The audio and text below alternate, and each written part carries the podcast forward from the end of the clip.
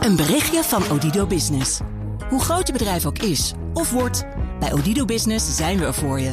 Met unlimited data en bellen en met supersnel en stabiel zakelijk internet. Ook via glasvezel. Ontdek wat er allemaal kan op odido.nl/slash business. Het kan ook zo.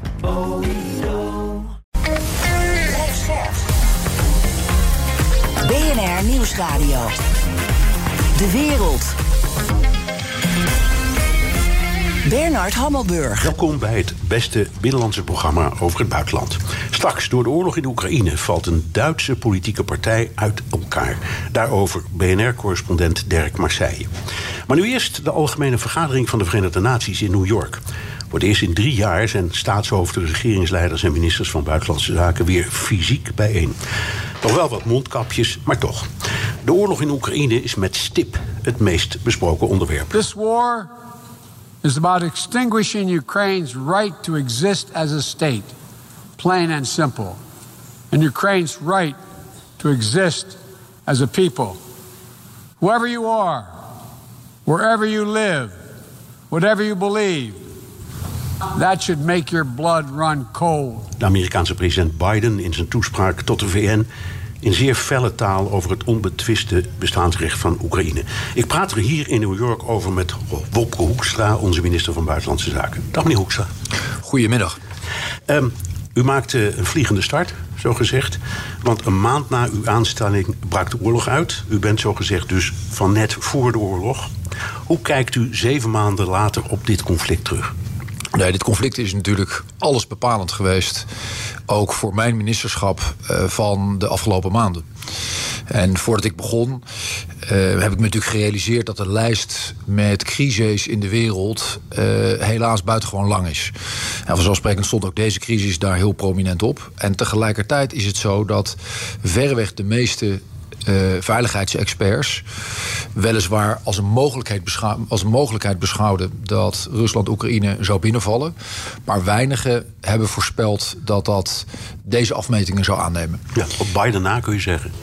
De, nou ja, je kan, je kan de Amerikanen alleen maar complimenteren met hun inlichtingenpositie. Um, en wat je daarnaast natuurlijk moet constateren, en, en dat is overigens goed nieuws, dat Poetin zich op allerlei manieren totaal, maar dan ook totaal heeft verrekend. Hij heeft zich verrekend in de enorme eenheid in Europa. Hij heeft zich verrekend in het vermogen van zijn eigen leger. En hij heeft zich ook absoluut verkeken op het vermogen van Oekraïne om met hulp van westerse uh, wapens uh, zelf daar alles op alles te zetten om, om elke, elke meter grondgebied te willen verdedigen. Ja. Hij uh, niet in, zullen we maar zeggen, Poetin. Integendeel, hij gaat over tot gedeeltelijke mobilisatie. Dat heeft hij in een zeven minuten durend toespraakje gezegd. En hij dreigt uh, dat de nu nucleaire dreiging vanuit het Westen niet onbeantwoord kan blijven. Dat is ook griezelig geworden. Wat zien we hier nu? Bluff of het aan boord houden van zijn eigen volk, wat ook best zou kunnen, of een nieuwe en dus echt gevaarlijke escalatie? Dat weet je natuurlijk nooit zeker. Maar in in, in de internationale politiek en in dit soort situaties moet je altijd rekening houden met alle verschillende scenario's. Uh, ook de meer onwaarschijnlijke, maar tegelijkertijd de meest verschrikkelijke. Uh, en je ziet dat die combinatie van deze toespraken, die gedeeltelijke mobilisatie en ook die, ja, die fake referenda die, die, die, die nu worden uitgeschreven, dat is allemaal een verdere escalatie. En natuurlijk ook een teken van een dictator onder druk voor wie de oorlog uh, volstrekt anders is gelopen dan, dan hij had, had verwacht. Um, met juist ook in de afgelopen dagen natuurlijk, afgelopen dagen en weken, natuurlijk hele forse heroveringen van de kant van Oekraïne. Ja, nou ja, het, het, zijn belangrijke stukken, maar het is, als je op het totaal kijkt, nou ook niet zo heel veel. Het is 10.000 vierkante kilometer of zo. Het land is geloof ik 640 vierkante kilometer. Ja, ik geloof dat je, je, hebt, je, hebt, ja. je, hebt, je hebt nog, maar goed. 130 vierkante, 130.000 vierkante kilometer te, te gaan. Dus ontzetten, dus ja, ja, ja. Precies. Dus, het is, dus, dus uh, kijk, waar je niet, wat, je, wat je niet moet denken, het, het, gaat, het land heeft natuurlijk sowieso geweldige afmetingen. Dus je moet je niet verkijken, en daar heeft u helemaal gelijk in, op wat je nog te gaan hebt. Tegelijkertijd moet je constateren dat of het nou gaat over de mislukte aanval op Kiev, Kiev zelf, uh, het gebrek aan vorderingen uh, in het zuiden. Maar ook de ontwikkelingen in het noorden, waar niet alleen het Russische leger tot staan is gebracht, maar de afgelopen paar weken er toch ook heel veel gebied is heroverd. Dat, dat kan op geen enkele manier het plan van het Kremlin zijn geweest.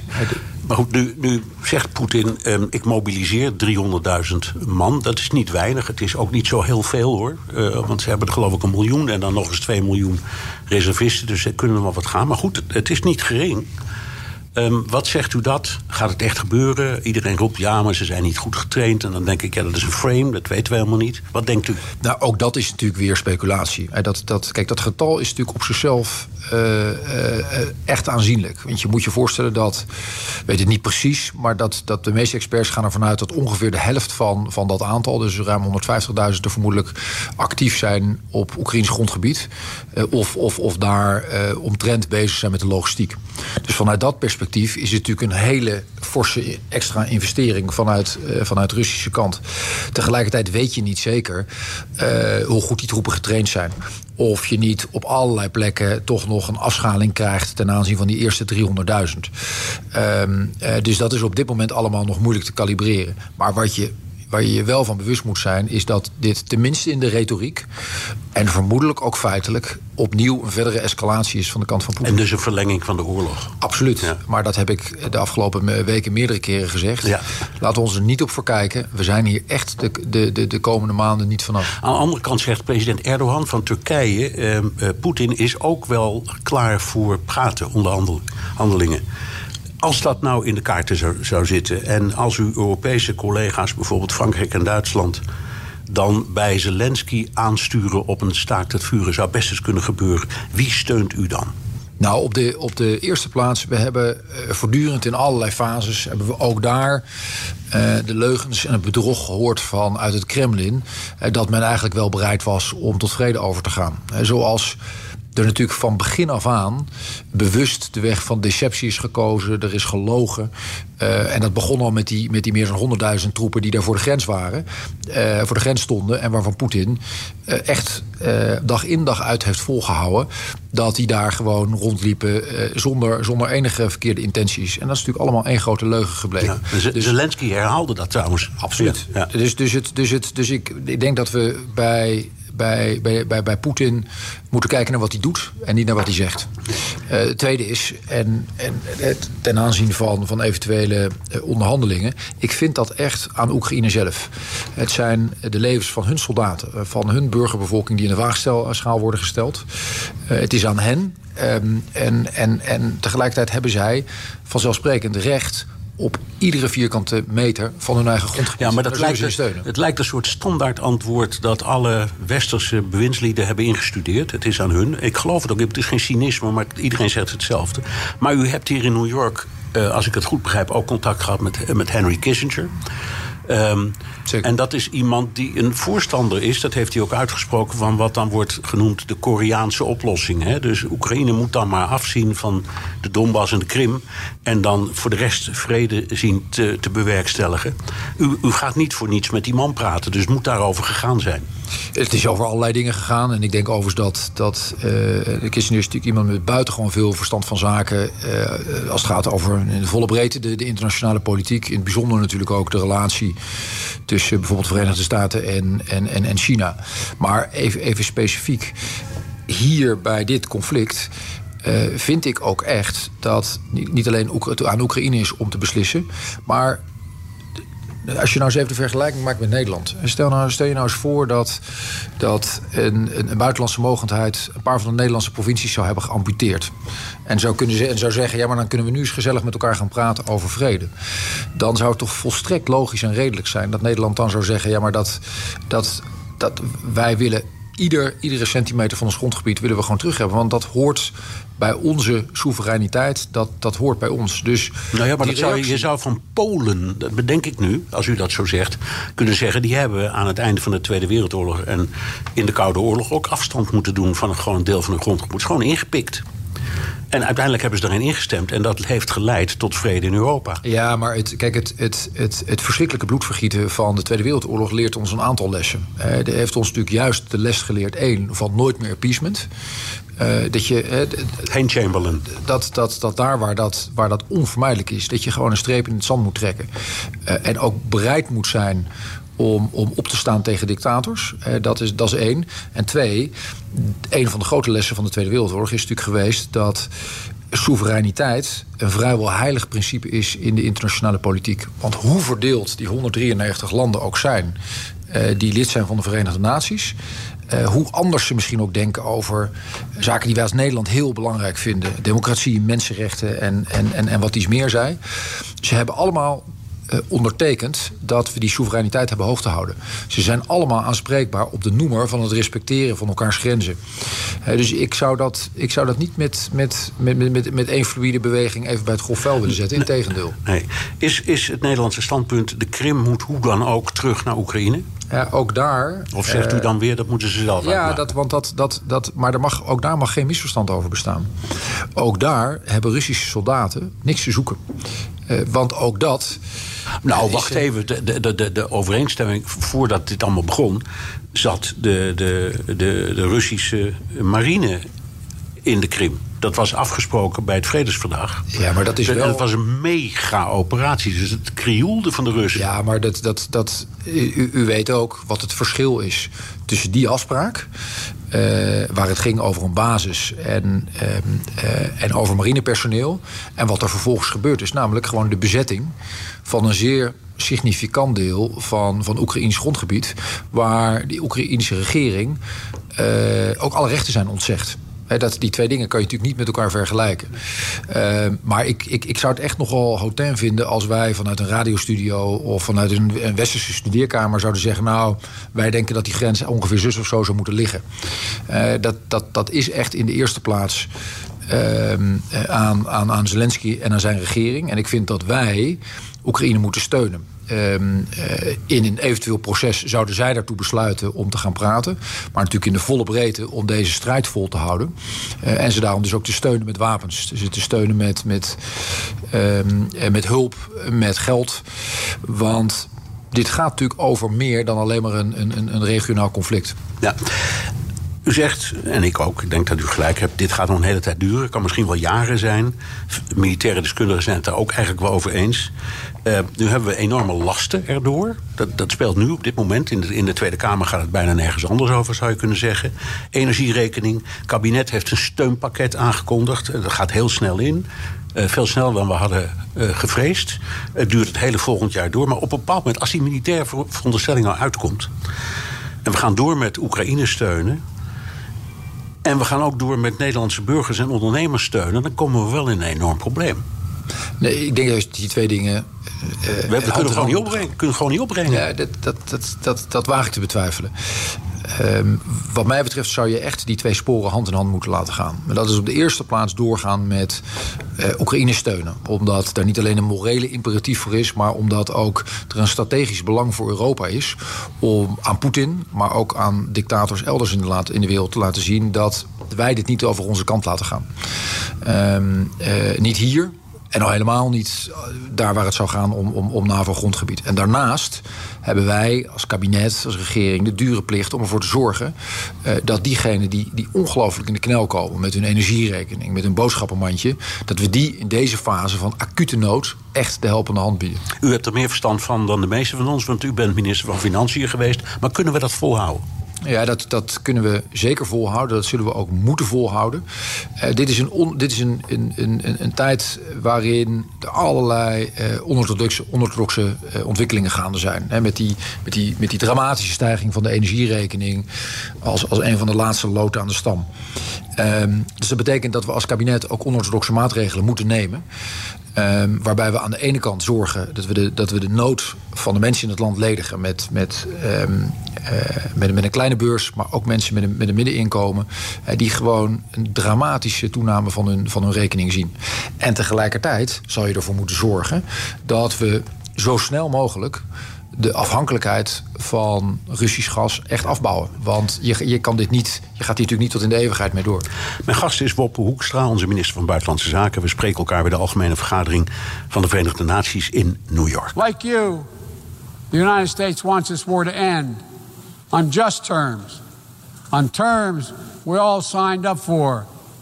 That you cannot seize a nation's territory by force. That the only country standing in the way of that is Russia. Opnieuw president Biden. Vrede kan alleen op basis van rechtvaardige voorwaarden. De enige die dat tegenhoudt is Rusland, maar Rusland staat niet helemaal alleen. Meneer Hoekstra, na de inval op 24 februari uh, liep een resolutie ter veroordeling van Rusland in de Veiligheidsraad stuk. Dat lag ook voor de hand. Russisch veto. Toen gebruikten de lidstaten een middel dat zelden wordt aangewend, namelijk een resolutie in de Algemene Vergadering. En daarin stemden 141 landen voor veroordeling van Rusland. Internationaal, juridisch betekent het helemaal niks. Maar betekent het toch wel wat? Absoluut. Want dat laat zien dat het gros van de landen uiteindelijk aanspreekbaar is op dat wezenlijke kenmerk van soevereiniteit. Uh, respecteren van elkaars grenzen. Uh, dus uh, dat, dat is een. Ik ben, ben ervan overtuigd, dat is ook een enorme tegenvaller voor, voor Poetin geweest. Maar je moet ook reëel zijn. En een aantal, met name ook grote landen, is niet te vinden onder die groep van 141. En ook die groep van 141, dat is best een broos bouwwerk. Want ik spreek ook met regelmaat een aantal van die landen uit die groep. En niet iedereen uh, zit er zo scherp in als uh, Nederland en een aantal van onze belangrijkste bondgenoten. Dus dat vraagt onderhoud. En dat vraagt ook dat we met landen uit Zuid-Amerika, Afrika en Azië in gesprek gaan wat dit betekent. En ons ja, daarbij ook echt verdiepen in hun belangen. Ja, u hebt dat ook in een, overigens heel bijzonder interview, vond ik, in de Volkskrant gezegd. mag ik het met een voorbeeld illustreren? Kijken of u dat herkent. De, de, de Afrikaanse Unie, of Zelensky wilde de Afrikaanse Unie toespreken via een videoverbinding. Er zijn 55 leden in de Afrikaanse Unie. En er hebben er precies vier ingeschakeld. En 51 niet. Is dat ook een beetje wat u bedoelt? Nou ja, wat je, wat je ziet is dat heel veel landen op zichzelf natuurlijk het eens zijn met dat principe van soevereiniteit. Uh, maar voor hen ook het hemd nader is dan de rok. En zij te maken hebben überhaupt met problemen die vaak toch nog weer van een andere orde zijn van, dan, dan wat wij, waar wij in Nederland ja, Maar je kan ook zeggen, heel veel van die Afrikaanse landen zeggen terecht: we hebben goed geheugen. En onze vrijheidsbewegingen zijn allemaal gesteund door de Sovjet-Unie. En we gaan dus niet Rusland in één keer afvallen. Nou, en eerlijk gezegd, de, de, de, de, de geschiedenis werpt altijd zijn schaduw vooruit. Uh, er, worden, er worden het Westen wordt, wordt, wordt, wordt hier en daar ook hypocrisie verweten. Uh, voor sommige van uh, die landen is ook, zijn ook koloniale verledens zijn nog altijd onderdeel van de realiteit van vandaag de dag. Uh, en ja, men, wat, wat, wat wij ons echt zullen moeten realiseren, is dat veel van die langen ook kijken naar wat nou hun eigen lange termijn belangen zijn. dus, dus je moet ook, vind ik. Um, uh, natuurlijk, de, je, moet, je moet deze oorlog aangrijpen om, uh, om zoveel mogelijk van, de, van, van die landen te overtuigen dat ze zich hierin bij ons moeten aansluiten. Maar als je structureel een vruchtbaardere dialoog wil hebben met landen in Afrika, Zuid-Amerika en delen van Azië, dan zal je je ook moeten uh, verhouden tot hun lange termijn belangen. want dat is uiteindelijk de noemer waar ze op thuis zijn. Ja. Behalve financiële hulp en wapens gebruiken we het middel van sancties. En nu zeggen we steeds tegen elkaar dat die sancties die hebben effect. Uh, want de autoproductie ligt stil, of de levering van onderdelen in de luchtvaart ligt stil. Effect, betekent dat nou dat Poetin door de knieën zal gaan? Want als dat niet gebeurt, dan heeft het dus geen effect. Dan hebben er alleen maar mensen last van die er helemaal niks aan kunnen doen. Het heeft wel degelijk effect. Uh, het is ook, het, ik kan me niet een situatie voorstellen waarin je niet tot het middel zal Nee, maar hoe definieert u maar, dan effect? Maar nou, dat, dat, de, dat de Russische economie Um, hier natuurlijk wel degelijk op de korte, de middellange, maar zeker ook de lange termijn uh, door geraakt wordt. Uh, en dat gaat van, van, van zaken die te maken hebben met energie tot soms hele kleine specifieke onderdelen die maken dat, dat, dat bepaalde industriële producties in Rusland gewoon simpelweg niet meer mogelijk zijn. Um, dus dat heeft wel degelijk effect. En tegelijkertijd iedereen die. Uh, die had verwacht dat die sancties op zichzelf voldoende zouden zijn uh, om, om iemand die, die, die tot zoiets verstrekkends in staat is als, als, als deze invasie, dat, die, dat, dat dat zou leiden tot, tot hem op andere gedachten brengen. Uh, ja, dat, dat, dat is denk ik te kort door de bocht. Dat, dat was ook niet de verwachting, in ieder geval niet van het Nederlandse kabinet. Nee. Uh, buitenlandchef Jozef Borrell van de EU die zegt um, dat je ook moet kijken naar de manier waarop die zes tot nu toe uh, afgeroepen sanctiespakketten worden uh, nageleefd. En Nederland is volgens hem niet een van de uitblinkers. Hoe vindt u dat we het doen? Nou, mijn indruk is dat als je um, bedragen vergelijkt, dat, dat Nederland eerlijk gezegd dat, uh, dat zeer behoorlijk doet. En waar wij ook juist een, een bijdrage aan proberen te leveren, is ervoor te zorgen dat sommige van de zaken die nou juist in die eerdere pakketten niet goed zijn ingeregeld, dat we die met alle Europese landen weten te verbeteren. Een stom voorbeeld, als je het hoort, dan denk je waarom kon dat niet vanaf het begin? Uh, maar in het begin is er vaak gesproken door, um, door functionarissen in Brussel van alle lidstaten uh, over pakketten en, en, en soms ook over individuen aan het begin van het weekend. En circuleerden er lijsten waar mensen op stonden. Die dan pas op maandagochtend ingingen. En reken maar dat... Allemaal weg, dat, allemaal het vliegtuig Russen, ja. Reken maar dat Russen ja, die, die, die daar weet van krijgen... dat die, dat die daar onmiddellijk op anticiperen. Zeker nadat ze gezien hadden... Ja, dus nu, dat nu, weer, nu weer gebeurt met die toespraak van Poetin. Dus, dus dus die de wijk hebben genomen. Dus, dus, je zal, um, uh, dus je zal elke keer zal je daar de schroef uh, verder moeten aandraaien. Moeten kijken wat je ook weer leert van, van, van, van eerdere pakketten. Uh, en ook, ook langs deze weg zullen we gewoon verder moeten. Ja, ik heb één vraag nog. En dat gaat over een, een, tribunaal of iets dergelijks. Daar maakt Nederland zich ook hier bij de VN deze keer met uw medewerking druk over. En iedereen zegt dan, nou ja, de kans dat het lukt is heel gering. Dat zult u zelf ook erkennen. Waarom maakt u zich niet te min zo druk over iets waar we eigenlijk nog niet eens aan toe zijn? Nou, omdat uiteindelijk, als, als, als, dit, als dit allemaal achter de rug is, dan biedt juist het, het recht en juist ook de mogelijkheid om te laten zien wat we hier als internationale gemeenschap van, van, uh, van vinden dat biedt ook weer perspectief en hoop voor de toekomst.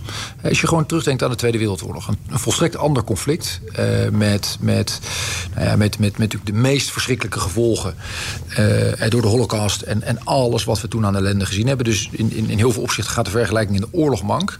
Maar je kan je toch niet goed voorstellen dat de Tweede Wereldoorlog zou zijn afgesloten zonder Nuremberg. Nou, maar dat was het eerste tribunaal in de wereldgeschiedenis. Zeker. En, en, en ook dat ging met vallen en opstaan. En, en ook daarna zijn er tribunalen geweest. En ook dat ging met vallen en opstaan. Zo vergaat het de mensheid elke keer. Eh, ook elke keer bij tribunalen.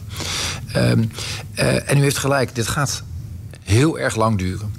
Uh, en maar een fractie van de, van, de, van, de, van de cases zal uiteindelijk voor een rechter verschijnen. En maar een fractie van de verantwoordelijken zal uiteindelijk in, het, in het gevang belanden. En toch moeten we het doen. Want dat zijn we verplicht richting de slachtoffers. Maar ook om te laten zien dat wij als internationale gemeenschap uiteindelijk dit niet accepteren. Want ook dat werpt zijn schaduw vooruit richting de toekomst. Dank. Wopke Hoekstra, minister van Buitenlandse Zaken. Een berichtje van Odido Business. Hoe groot je bedrijf ook is of wordt, bij Odido Business zijn we er voor je. Met unlimited data en bellen en met supersnel en stabiel zakelijk internet. Ook via glasvezel. Ontdek wat er allemaal kan op odido.nl/slash business. Het kan ook zo. De Cryptocast is vijf jaar oud. We weten dus, het gaat soms fout. Dat is hier steeds weer voorgekoud. Maar wie zijn crypto altijd houdt, als was het elektronisch goud, dan daar zijn strategie op bouwt. Te lang dit. Luister gewoon naar de Cryptocast. Elke dinsdag crypto nieuws op BNR. De Cryptocast, voor jong en oud. Cryptocast wordt mede mogelijk gemaakt door Bitfavo, de crypto-exchange van Nederland. BNR Nieuwsradio. De wereld. Bernard Hammelburg. Duitse politieke partij Die Linke dreigt uiteen te vallen. Straks bespreek ik dat met correspondent in Duitsland Dirk Marseille in detail. Maar nu eerst een blik op Europa met Geert-Jan Haan. Uh, Geert-Jan, de toespraak van Vladimir Poetin deze week zorgde ervoor dat westerse leiders snel weer elkaars hand vastpakten. En het moest natuurlijk één front worden. Uh, is dat gelukt? Ik denk dat het antwoord grotendeels ja is, maar dat er wel nuanceverschillen te zien zijn. Ik ben ook benieuwd of jij dat in New York zo hebt geconstateerd. Maar laten we de reacties uh, eens op een rij zetten en kijken waar we op uitkomen. Ja, nee, ik heb het inderdaad wel geconstateerd. Er zijn nuanceverschillen en dat gaat dan vooral over de mate van inzet. Ja. Althans onder de bondgenoten. Um, en en hoe, zwaar, hoe zwaar de wapens mogen zijn. Van dat soort discussies hoor ik hier. Ja, ik heb vooral toch ook gekeken naar hoe er is gereageerd op die nucleaire dreiging. Omdat ik dat interessant vond. Eh, de, de een die um, ja, reageert er wat laconiek op en de ander is heel fel. Ja, en, en um, nou ja, bekende West-Europese leiders, wat, wat, hoe, hoe heb je die horen en zien reageren? Ik denk dat we in Nederland natuurlijk de reactie van Mark Rutte hebben gezien. Die zei: Het laat ons redelijk Siberisch koud. Hij voegde daar zelf aan toe om maar in Russische termen te blijven. Ik heb weinig reacties gezien die zo laconiek waren als die van Rutte, moet ik zeggen. Er waren hardere reacties en er waren zachtere reacties. Ja, nou, we, hadden net, we hoorden net uh, Wopke Hoekstra in dit programma... en die was behoorlijk een stuk feller, zou ik maar zeggen... dan zijn eigen premier. Ja, kan natuurlijk ook met de situatie te maken hebben dat Rutte er werd, ermee werd geconfronteerd door draaiende camera's met microfoons erbij en zei wat er in hem opkwam en dat hij nog niet uh, geconsulteerd verder was. Wat me verder opviel aan westerse leiders is als we kijken naar echt West-Europa. Uh, Macron die noemde die, die gedeeltelijke mobilisatie van, van Russische troepen een vergissing. Uh, hij zegt ook um, over dat nucleaire, dat noemt hij duidelijk chantage. Het is duidelijk dat Poetin deze wapens heeft en het risico is er nog steeds, maar het is ook een druk drukmiddel. Dus hij laat het een beetje in het midden. Als in van hij vindt het eng, maar hij zegt ook het is chantage.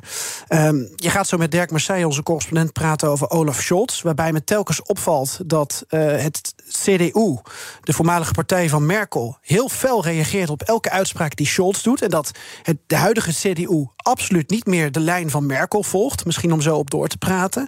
Ja. Um, een woordvoerder van het Duitse ministerie van Defensie constateert trouwens dat er nog geen enkele hogere staat van paraatheid van nucleaire wapens in Moskou is gesignaleerd. Dat is denk ik ook heel belangrijk om uh, te blijven benadrukken. Maar wacht, wacht even, één ding, want jij kent de situatie daar.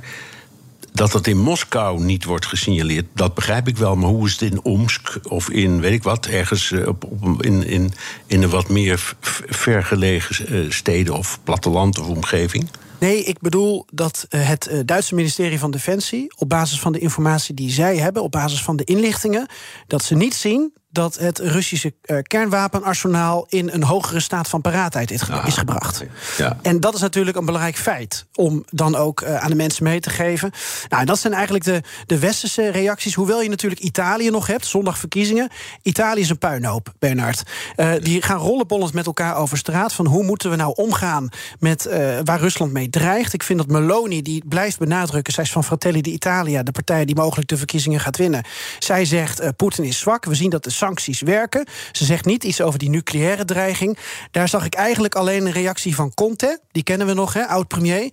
Um, die zit nu bij de uh, Vijf Sterren volgens mij. En die geeft aan van uh, willen we een politieke overwinning voor Kiev... of willen we nucleair gevaar? Dus die maakte weer een soort tweestrijd van. Uh, dat zijn de reacties uit, uit West-Europa. Ja. Even naar uh, Centraal- en Oost-Europa. Zijn die landen op dit punt stelliger dan wij in West-Europa? Ja, ik denk het wel. En ik denk dat je uh, wederom aan de hand van deze veroordelingen kan zien dat landen die aan Rusland grenzen, Letland, Estland, Litouwen, Polen, plus Amerika, plus uh, Stoltenberg, dus de NAVO, dat die altijd het felst reageren. Uh, waarbij uh, de laatste minister van Buitenlandse Zaken uiteraard het weer heeft over Nazi-Duitsland. Hij zegt Rusland is net zo gevaarlijk voor Europa en de wereldvrede als Nazi-Duitsland was in de vorige eeuw. de Estische minister van Buitenlandse Zaken um, die geeft aan Poetin wil ons bang maken met de nucleaire dreiging. We moeten juist steun aan Oekraïne opvoeren en sancties tegen Rusland versterken. Dat is dan weer een, een reactie die wat meer overeenkomt, denk ik, met die van, van, van Hoekstra. Hoewel je natuurlijk ook kan zeggen: ja, eh, wil Poetin ons bang maken of moeten we die bangmakerij serieus nemen? Ja, even die uh, toespraak van Zelensky. Um, die kwam dan per satellietverbinding naar de algemene vergadering van de Verenigde Naties hier in New York. Uh, werd gevolgd door een staande ovatie. Hoewel, ik heb goed opgelet, lang niet alle bankjes waren uh, bezet, zal ik maar zetten. Er bleven ook een hoop mensen zitten. Mm. Um, ik heb natuurlijk gekeken, jij hebt gekeken. Wat viel jou op? Ik denk toch dat uh, twee dingen. Eén, dat Zelensky aangeeft uh, dat we, en hij spreekt dan het Westen aan, dat we ons niet moeten laten intimideren door die dreigementen, door die nucleaire chantage. Uh, Zelensky zegt: anders kan Poetin morgen zeggen, behalve Oekraïne wil ik ook een deel van Polen innemen. Dat viel me op, dat is punt één. En punt twee denk ik toch dat hij bij jou daar in New York... de discussie over de hervorming van de Veiligheidsraad... weer op de agenda heeft gezet. Die discussie was er natuurlijk al. Maar uh, ja, jij hebt misschien in de wandelgangen wel uh, gehoord... dat er toch wel meer over is nagepraat. Zo van, ja, ja wat kunnen we nou doen? Absoluut. Nou, eh, die discussie over hervorming van de Veiligheidsraad die loopt, ik denk al twintig jaar. Alleen is één klein puntje. Ja. De, het, het gremium dat beslist is de Veiligheidsraad. Dus daar verandert helemaal nooit wat. Nee, maar toch, als je er niet over praat, verandert er sowieso niks. Nee, dat is misschien waar. Dankjewel, Geert-Jan Haan, Europa-verslaggever van BNR. Luister ook naar de nieuwe Perestroikast... waarin Geert-Jan met Niels Drost van Klingendaal... de speech van Poetin ontleent en analyseert. De wereld. We praten verder over de speech van Poetin. Niet alleen president Biden van Amerika sprak felle woorden, ook bondskanselier Scholz liet zich erover uit in het Duitse nieuws Tagesschau. Es ist ein durch nichts zu rechtfertigender Krieg, bei dem Russland einfach versucht, im Stil des klassischen Imperialismus sich einen Teil des Landes seines Nachbarn anzueignen. Das wird nicht gelingen und das darf auch nicht gelingen. Rusland probeert zich een deel van zijn buurland toe te eigenen in de stijl van het klassieke imperialisme, zei Scholz. Maar dat gaat hem niet lukken, voegde hij eraan toe. Ik praat erover met Dirk Marseille, onze correspondent in Duitsland. Dag Dirk. Hi Bernard. Uh, Biden en Macron waren heel fel met hun, en snel met hun reacties op de speech van Poetin. Waarom liet de reactie van Scholz op zich wachten? Scholz die heeft ervoor gekozen om uh, in zijn manier van reageren um, zijn knopen te tellen heeft intern binnen zijn Sociaal-Democratische Partij uh, uh, te maken met belangrijke adviseurs die nauw contact hebben met Duits bedrijfsleven. De Duits bedrijfsleven vreest voor uh, banenverlies, liepen op goedkoop Russisch gas. En Scholz heeft wel gezegd, um, op het moment dat ik die Oostpolitiek uh, vaarwel zeg, en dat heb ik gedaan, dan duurt het misschien even voordat ik ga reageren. Maar als ik dan reageer, dan moet het ook echt tellen. Want de, de uitspraak die we zojuist hoorden, uh, dat is een voor Scholz zeer uh, harde uitspraak. En hij zegt het op een ingetogen manier. Uh, maar dat de reactie wat langer duurde, betekent dat niet dat hij zich uh, in milde bewoordingen uit, uitlaat. Hij moet dat intern eerst managen, maar dan kan hij ook stevig naar voren komen, zoals we zojuist ook hoorden. Ja, ja, in zijn toespraak tot, uh, tot de algemene vergadering zei hij, had hij het over imperialistische ambities. Um, en die moeten uh, natuurlijk worden opgegeven. Uh, um, en um, nou ja, is, is dat iets wat. Hoe valt dat bij de oppositie? De oppositie wordt gevormd door de, door, door de partij uh, die onder leiding was van Angela Merkel natuurlijk. 16 jaar, de CDU, de, de Christendemocraten in Duitsland. Geert-Jan had het er net al even over. Hè. Hij zei ook van die slaan toch wel een hele andere toon aan dan onder Merkel. Hè. Onder Merkel was de Oostpolitiek van Duitsland nog springlevend. Uh, Merkel uh, was in haar middelbare schooltijd een uitblinkende scholier in Russisch. Kon op ooghoogte met auf Augenhöhe met Poetin praten, onderhandelen. Uh, liet ook uh, Nord Stream 2 als commercieel project toe. Zei nog heel lang: nee, dat is geen politiek project. Nou, intussen ligt de 2 braak en is de 1 intussen sinds een maand afgesloten. Vloeit er helemaal geen gas meer. En wat dat betreft is CDU ook meegedraaid. Heeft gezegd: ja, Rusland is de agressor. Alles wat wij, wat wij zien dat de Duitse regering doet om die agressie in te tomen, dat steunen wij. Waardoor er ook in de Duitse Bondsdag een koninklijke meerderheid is. He, ook de grootste oppositiepartij steunt daarin in principe alle maatregelen die door de Duitse regering worden genomen. Ja, en dan, en dan heb je het over uh, de enorme inspanning die, die uh, wordt verleend aan Oekraïne, net als door andere landen, om die Russische aanval af te slaan. Daar is een beetje discussie over, de, zeker in Duitsland ook over, Amerika trouwens ook, over hoe groot de wapens moeten zijn uh, moeten zijn die je levert. Hè. Moeten dat bescheiden wapens zijn of dingen die echt heel zwaar zijn? Um, heeft uh, Scholz voor het idee van grootschalige hulp traagvlak in de Bondsdag? Ja, hij heeft daar zeker draagvlak voor. Sterker nog, eigenlijk vindt de Bondsdag in zijn totaliteit dat hij veel sneller met zwaardere wapens zou moeten komen. Um, hij heeft ook uh, op een gegeven moment gezegd: ik geef dat verzet ook op. Um, alleen in de praktijk blijkt dat uh, er uh, dan toch altijd haken en ogen zijn aan het leveren, zeker van zwaardere wapens die als offensief militair wapentuig ingezet kunnen, kunnen worden. Scholz die speelt daar eigenlijk een, een, een schaakspel met toezeggingen hè, die uh, verwachtingsvol worden ontvangen dan door die Bondsdag, maar dan uiteindelijk in de praktijk uh, tegenval, uh, tegenvallen. en heeft Scholz altijd gezegd, en dat is eigenlijk zijn mantra tot nu toe geweest: alles wat wij doen als Duitsland, dat doen wij in NAVO-verband.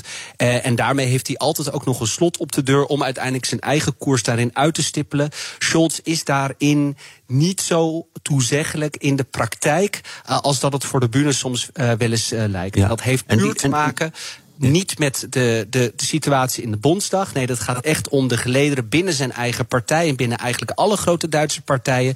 Met banden met de industrie die zo afhankelijk zijn van waren van het goedkope Russische gas voor hun uh, businessmodellen. Ja, even over de linken, uh, Dirk die, die partij dreigt uiteen te vallen door de Oekraïnse oorlog. Wat heeft een Duitse politieke partij nou met die oorlog te maken? Ja, als we het over de brede steunende Bondsdag hebben, dan vergeten we eigenlijk de, de extreme linkerzijde en rechterzijde van het Duitse parlement. En uh, Duitsland is natuurlijk een tikje groter dan Nederland, vijf keer groter. Je hebt het dan bij elkaar over vijf, zes miljoen stemmen uh, op die uh, partijen. En we hebben het daar eigenlijk nauwelijks over um, in, in publiek debat in Nederland. Maar als we nu het voorbeeld van de linken nemen, hè, de bekende politicoloog Cas Mudde, die omschrijft hen als links-populistisch, dan is dat een partij die deels ook uh, vanuit partijen uit het verleden voortgekomen is, uit communistische partijen, uit partijen die zeer dicht aan het DDR-regime zijn gelinkt. En de mensen die nu tussen de 50 en, en de 70 zijn en nog actief binnen die partij, die zijn echt nog opgevoed, opgeleid, politiek getraind in die traditie van de voormalige DDR. En dus is daar nog steeds een loyaliteit ten opzichte van Rusland. De meerderheid van die linken in het Duitse parlement vindt dat Duitsland veel te ver gaat met zijn maatregelen. Ziet ook de provocaties richting Rusland als een legitieme reden voor Rusland om, zoals zij dat dan zeggen, uh, zich te uh, verdedigen. En ja, die interne discussies de afgelopen maanden die zijn zeer fel geweest. Uh, uh, dat dreigde zelfs een afsplitsing. Uh, dat wat zou betekenen dat ze dan zelfs onder de, de, de 5% zouden um, slippen. En daarmee veel minder inspraakrecht in de Bondsdag zouden mogen hebben. Nou, dat lijkt nu bezworen.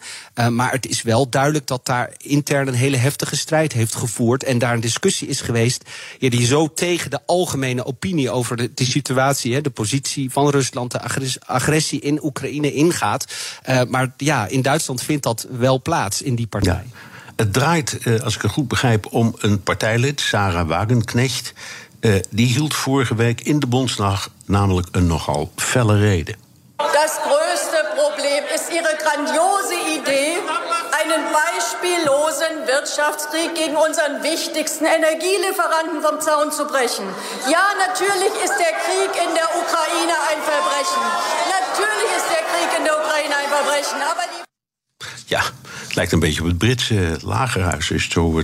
Ze zegt dus, uh, Duitsland moet ophouden met die oorlog. Uh, want uh, de, de, de, Rusland is onze belangrijkste energieleverancier. Waarom deed dat zoveel stof opwaaien? Nou ja, wat zij hier natuurlijk vertolkt is, is uh, het geluid vanuit uh, het Kremlin. Hè? Uh, het, gaat hier over standpunten waarbij Duitsland wordt verweten hè, dat ze zich inmengt in de, de, Russische agressie in Oekraïne. En zij zegt hier letterlijk: er wordt een, een economische oorlog gevoerd met Rusland door Duitsland. Um, en, en ja, dat, dat is iets wat zij vertolkt niet alleen hier in het parlement, waar dan daar heel fel op gereageerd wordt zoals je dat hoort. Het is overigens niet heel ongebruikelijk in het Duitse parlement. Daar wordt wel eens vaker wat, wat geroepen tijdens dit soort debatten. Heel interessant om te volgen.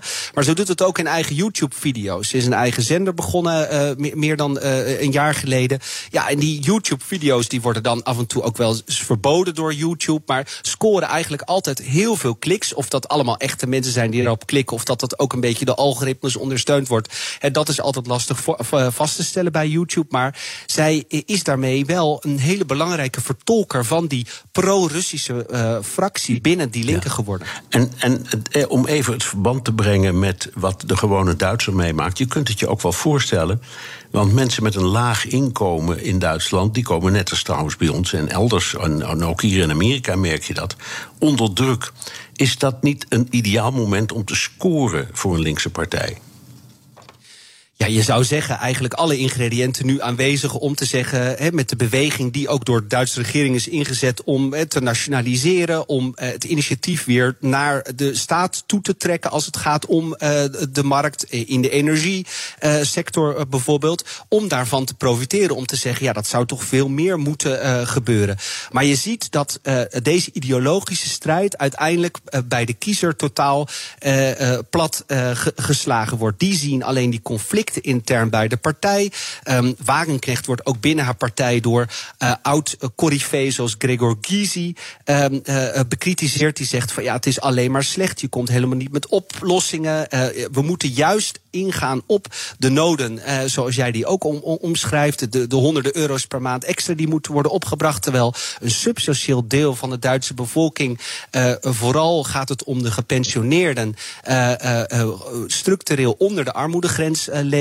Duitsland is ook nog steeds een land waar mensen over straat flessen verzamelen om een beetje extra inkomen te, te, te, te vergaren. Ja, en nu zie je dat eigenlijk die interne conflicten ertoe hebben geleid dat zij uh, uh, zo versplinterde indruk maken dat de kiezer zich daar totaal niet toe voelt aangetrokken. en men dus ook niet die punten voor de bühne brengt. Want het gaat alleen maar over dat interne conflict rond de positie over Rusland. Even blijven, bij die energiekwestie. Ehm, Uniper wordt genationaliseerd, energiebedrijf.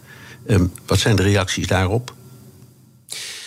Ja, iets wat uh, tot een paar maanden geleden eigenlijk we alleen nog kenden uit de coronatijd, hè, waarbij ook een Lufthansa gedeeltelijk genationaliseerd werd. Ja, dit gaat niet alleen over Uniper, maar gaat ook nog over twee andere grote energiebedrijven.